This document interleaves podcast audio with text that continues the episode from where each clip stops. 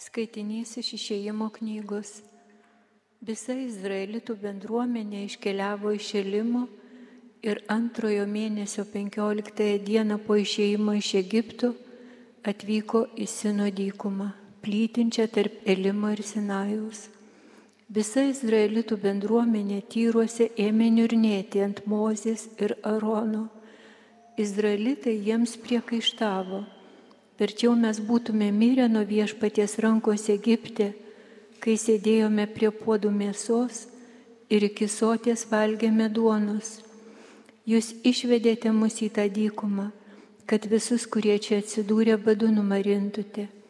Ir viešpats Mozei pasakė, aš tai padarysiu, kad jums iš dangaus lytų duona. Tauta galės eiti ir pasirinkti, kiek jos reikia dienai Aš noriu išbandyti, ar eis ji mano nurodytų keliu ar ne. Gamindami tai, ką persinešė šeštąją dieną, jie pastebės, kad išeina dvigubai tiek, kiek surenka šiaip jau kasdieną. Mozė pasakė Aronui, pranešk visų izraelitų bendryjei, stokite viešpaties akivaizdon, nes jis išgirdo jūsų nirzgimą Kai Aronas visai Izraelitų bendryjai tai pranešė, tie atsisuko į tyrus ir štai apsireiškė viešpatie šlovė debesies pavydalu. Viešpats prabilo į Mozę, aš išgirdau Izraelitų niurnėjimą, tad jiems pasakyk, šį vakar pavalgysite mėsos, o rytą pasisotinsite duoną. Taip jūs pažinsite, kad aš, viešpats, esu jūsų Dievas Vakare atskrido daug putpelių ir nutupė stovyklą. O rytą aplink stovyklą krito migla. Kai migla išsisklaidė, ant tyrų paviršiaus pasirodė smulkus grūdeliai, likruopos tartum šerkšnas ant žemės. Tai tai išvykę izraelitai vienas kitą klausinėjo. Manhu, tai reiškia, kas tai. Mat jie nežinojo, kas tai būtų. Ir Mozė jiems paaiškino, Tai duona, kurią jums valgyti duoda viešpats. Tai Dievo žodis. Dangaus duona viešpats jiems duoda. Dangaus duona viešpats jiems duoda. Jie mintimis Dievą gundė įnoringai reikalaudami maisto. Jų kalba buvo priešinga Dievui. Jie sakė, kažin ar Dievas galės tyruose pavalgydinti. Dangaus duona viešpats jiems duoda Tačiau iš aukštybių jis debesims įsakymą siunčia, dangaus vartus atidaro ir ima lyti maną jiems valgydinti, dangaus duona jiems duoda. Dangaus duona viešpats jiems duoda. Žmogus štai galiūnų duona maitinas, jiems maisto siunčiama sočiai. Jis pažadina padangėse rytį, pietį atveda savo galybę. Dangaus duona viešpats jiems duoda ir viršum jų ima lyti mėsa nelyginant dulkėm, kaip pamarios miltims sparnuočiais. Jie krinta į stovyklą aplinkui, ties pačiom palapinėm. Dangaus duona viešpats jiems duoda. Aleluja, aleluja, aleluja, aleluja, aleluja, aleluja. Sėkla tai Dievo žodis sėja sėjėjas Kristus. Kas jį suranda bus gyvas per amžius. Alleluja.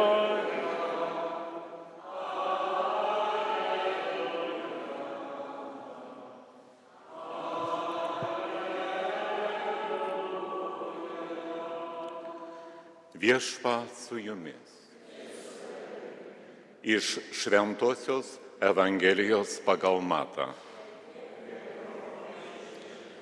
Vieną dieną išėjęs iš namų Jėzus sėdėjo ant ežero kranto, prie jo susirinko didžiulė minė, todėl jis įlipo į valtį ir atsisėdo, o visi žmonės stovėjo pakrantėje. Ir jis daug jiems kalbėjo palyginimais. Jis sakė, štai sėjėjas išsirengė sėti. Jam besėjant vieni grūdai nukrito prie kelio ir atskridę paukščiai juos sulėsi, kiti nukrito ant tolų, kur buvo nedaug žemės, jie netrukus sudygo, nes neturėjo gilesnio žemės sloksnio, sauliai patekėjus daigai nuvyto ir neturėdami šaknų sudžiuvo. Kiti grūdai nukrito tarp erškečių, erškečiai išaugo ir nusmelkė juos. Dar kiti nukrito į gerą žemę ir davė derlių, vieni šimteriopą grūdą, kiti šešiasdešimteriopą, dar kiti trisdešimteriopą. Kas turi ausis, te klauso. Tai viešpaties žodis. Brangus šventųjų mišių dalyviai, mėly Dievo žodžio klausytojai, šiandien pirmajame skaitinėje iš išeimo knygos išgirdome apie Izraelio tautą, kuri, nežiūrint į tai, kiek jiems gero buvo viešpats padarę, nuolat murmėjo ir nuolat buvo kažko nepatenkinta. Štai išgirdę šį skaitimą turbūt vertėtų savęs paklausti, kaip mes supratome tai, ką girdėjome ir kokias emocijas mumise žadina. Jeigu mes viską pradėjome nuo to, nuo ko pradėjau aš, tai reiškia, Dievo žodis nepasiekė tikslo Kadangi čia eina kalba visai ne apie tai, kokia negera buvo išrinktoji tauta, čia eina kalba apie tai, koks kentrus ir koks geras buvo ir yra būtent Dievas. Mėly Kristuje. Štai tai provokuojant jūs pradėjau būtent taip šio skaitinio apmąstymą Nes mes gyvenime labai daug skiriame dėmesio ir dedame pastangų būtent į tai, kas nesvarbiausia yra. Štai kaip ir aš visų pirma atkreipiau dėmesį ir pradėjau mąstyti apie tai, kokia negera buvo išrinktoji tauta. Vietoj to reikėtų kreipti dėmesį visai į ką kitą, į tai, ką nuveikia mūsų gyvenime Dievas ir kiek Jis nuveikia mūsų gyvenime. Nes tas Dievo veikimas yra nuolatinis, Dievas nuolat veikia mūsų gyvenime. Net ir tada, kada mes pasielgėme labai jau vaikiškai, kaip ir toji tauta, kuri matė tiek daug, stebuklų, kuri tiek daug gerumo jau buvo patyrusi nuo Dievo mes pakartojame tos išrinktosios tautos klaidas ir būkime tikri, kad gerasis viešpats sugrįžta pas mus, jis ateina pas mus, būtent kaip ir pas tą išrinktąją tautą, tam, kad nežiūrint į viską, toliau mus lydėti gyvenime, to, toliau mus lydėti į laisvę. Šiandien Šventojo Mato Evangelijos ištraukoje mes išgirdome Evangeliją, kurioje viešpats pasakoja apie tą sėjėją, kuris išsirengė sėti. Jam besėjant grūdai nukrito į skirtingą dirbą ir todėl ne visi grūdai turėjo galimybę duoti gerų vaisių. Kada mes girdime tą skaitinį ir prisimename tai, kas yra parašyta išėjimo knygoje, mes turbūt suprantame, kad tas Dievo žodžio sėjimas mūsų širdise tai yra nuolatinis Dievo aktas, ne vienkartinis. Mums atrodo, kad štai Dievas pasėjo grūdą ir nuėjo ir štai dabar visi mes esame gerą žemę ir duodame derlių, vieni šimteriopą grūdą, kiti šešiasdešimteriopą, dar kiti trisdešimteriopą. Nieko panašaus. Gyvenime mes turbūt esame iš eilės e, tuo, apie ką eina kalba šioje Evangelijoje. Nes būna tokių momentų, kada mes esame tą žemę prie kelio, ne? kur buvo, kur paukščiai atskrydę sulėse e, tuos pasėtus Dievo grūdus. Esame tarsi ta ola, kur yra nedaug žemės. Arba e, gyvenime būna labai daug erškėčių, tarp kurių išauga tas Dievo žodis, bet dėja neturi galimybės gyvuoti.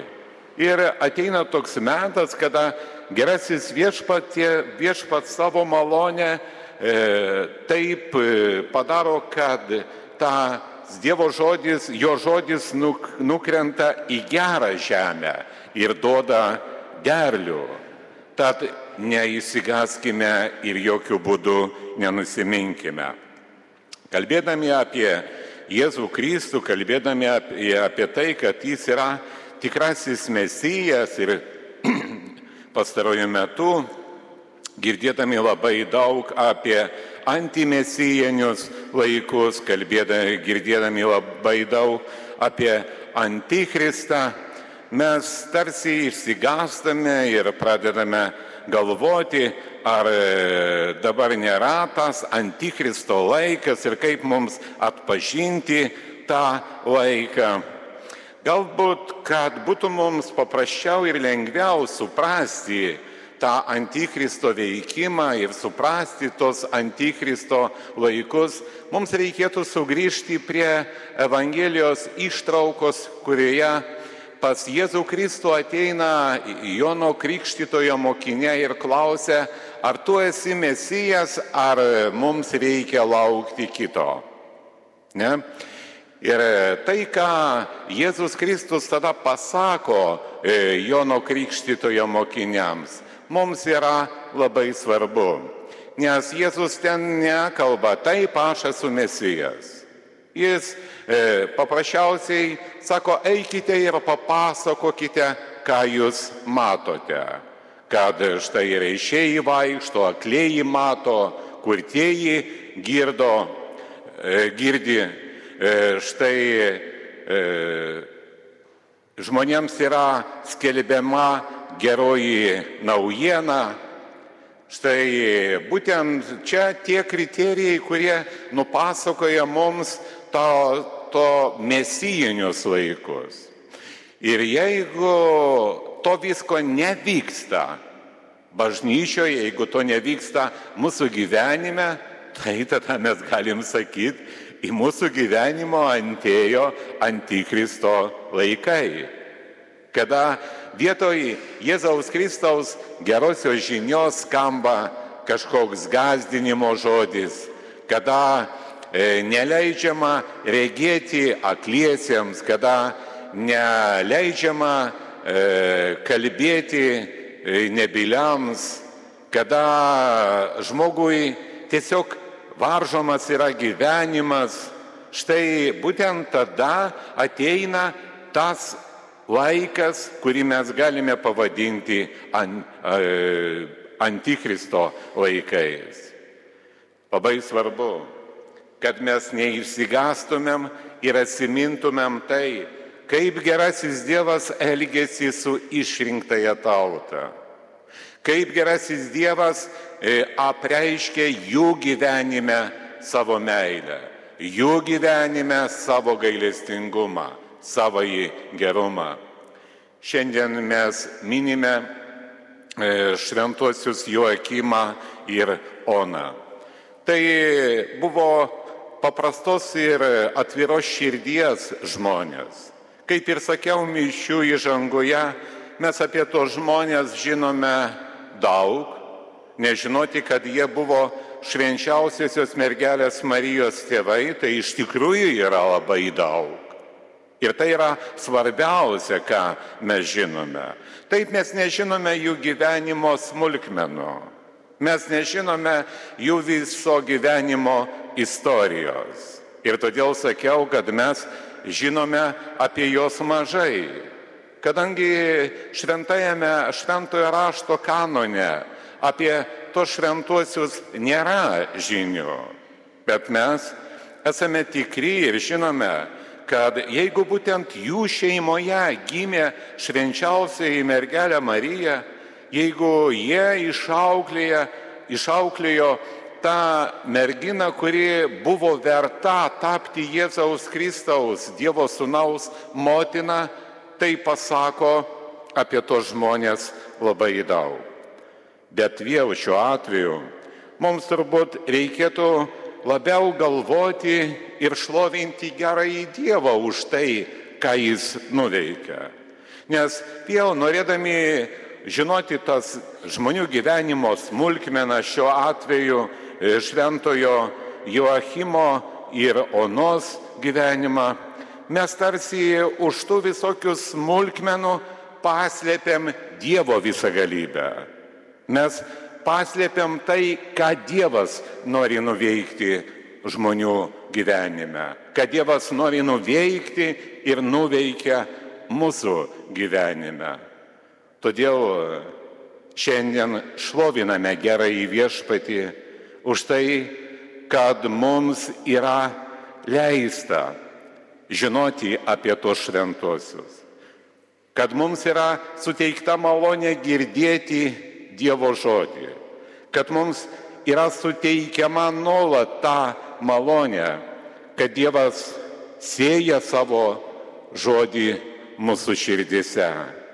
Ir jeigu tas žodis išjusta, jeigu jis nedoda gerų vaisių, Dievas vėl sėja tą žodį. Jis niekada nenustoja to daręs. Jis kantriai laukia, kad tas žodis nukristų į gerą žemę, kad mes taptume tą gerą žemę, kurioje tas žodis te duoda vaisių. Vieni šimterio pagrūda, kiti šešiasdešimterio pagrūda dar kiti trisdešimteriopą. Tad šaukime šiandien tų šventųjų pavyzdžių Onos ir Joachimo ir prašykime geroje Dievo malonės, kad ir mes būtumėm pilni pasitikėjimo Dievu ir nuolat atsimintumėm. Jeigu mes ir išsižadam Dievo, tai Dievas mūsų neišsižada niekada. Kaip išrinktąją tautą, taip ir kiekvieną iš mūsų jis lydi į gyvenimo laisvę. Amen.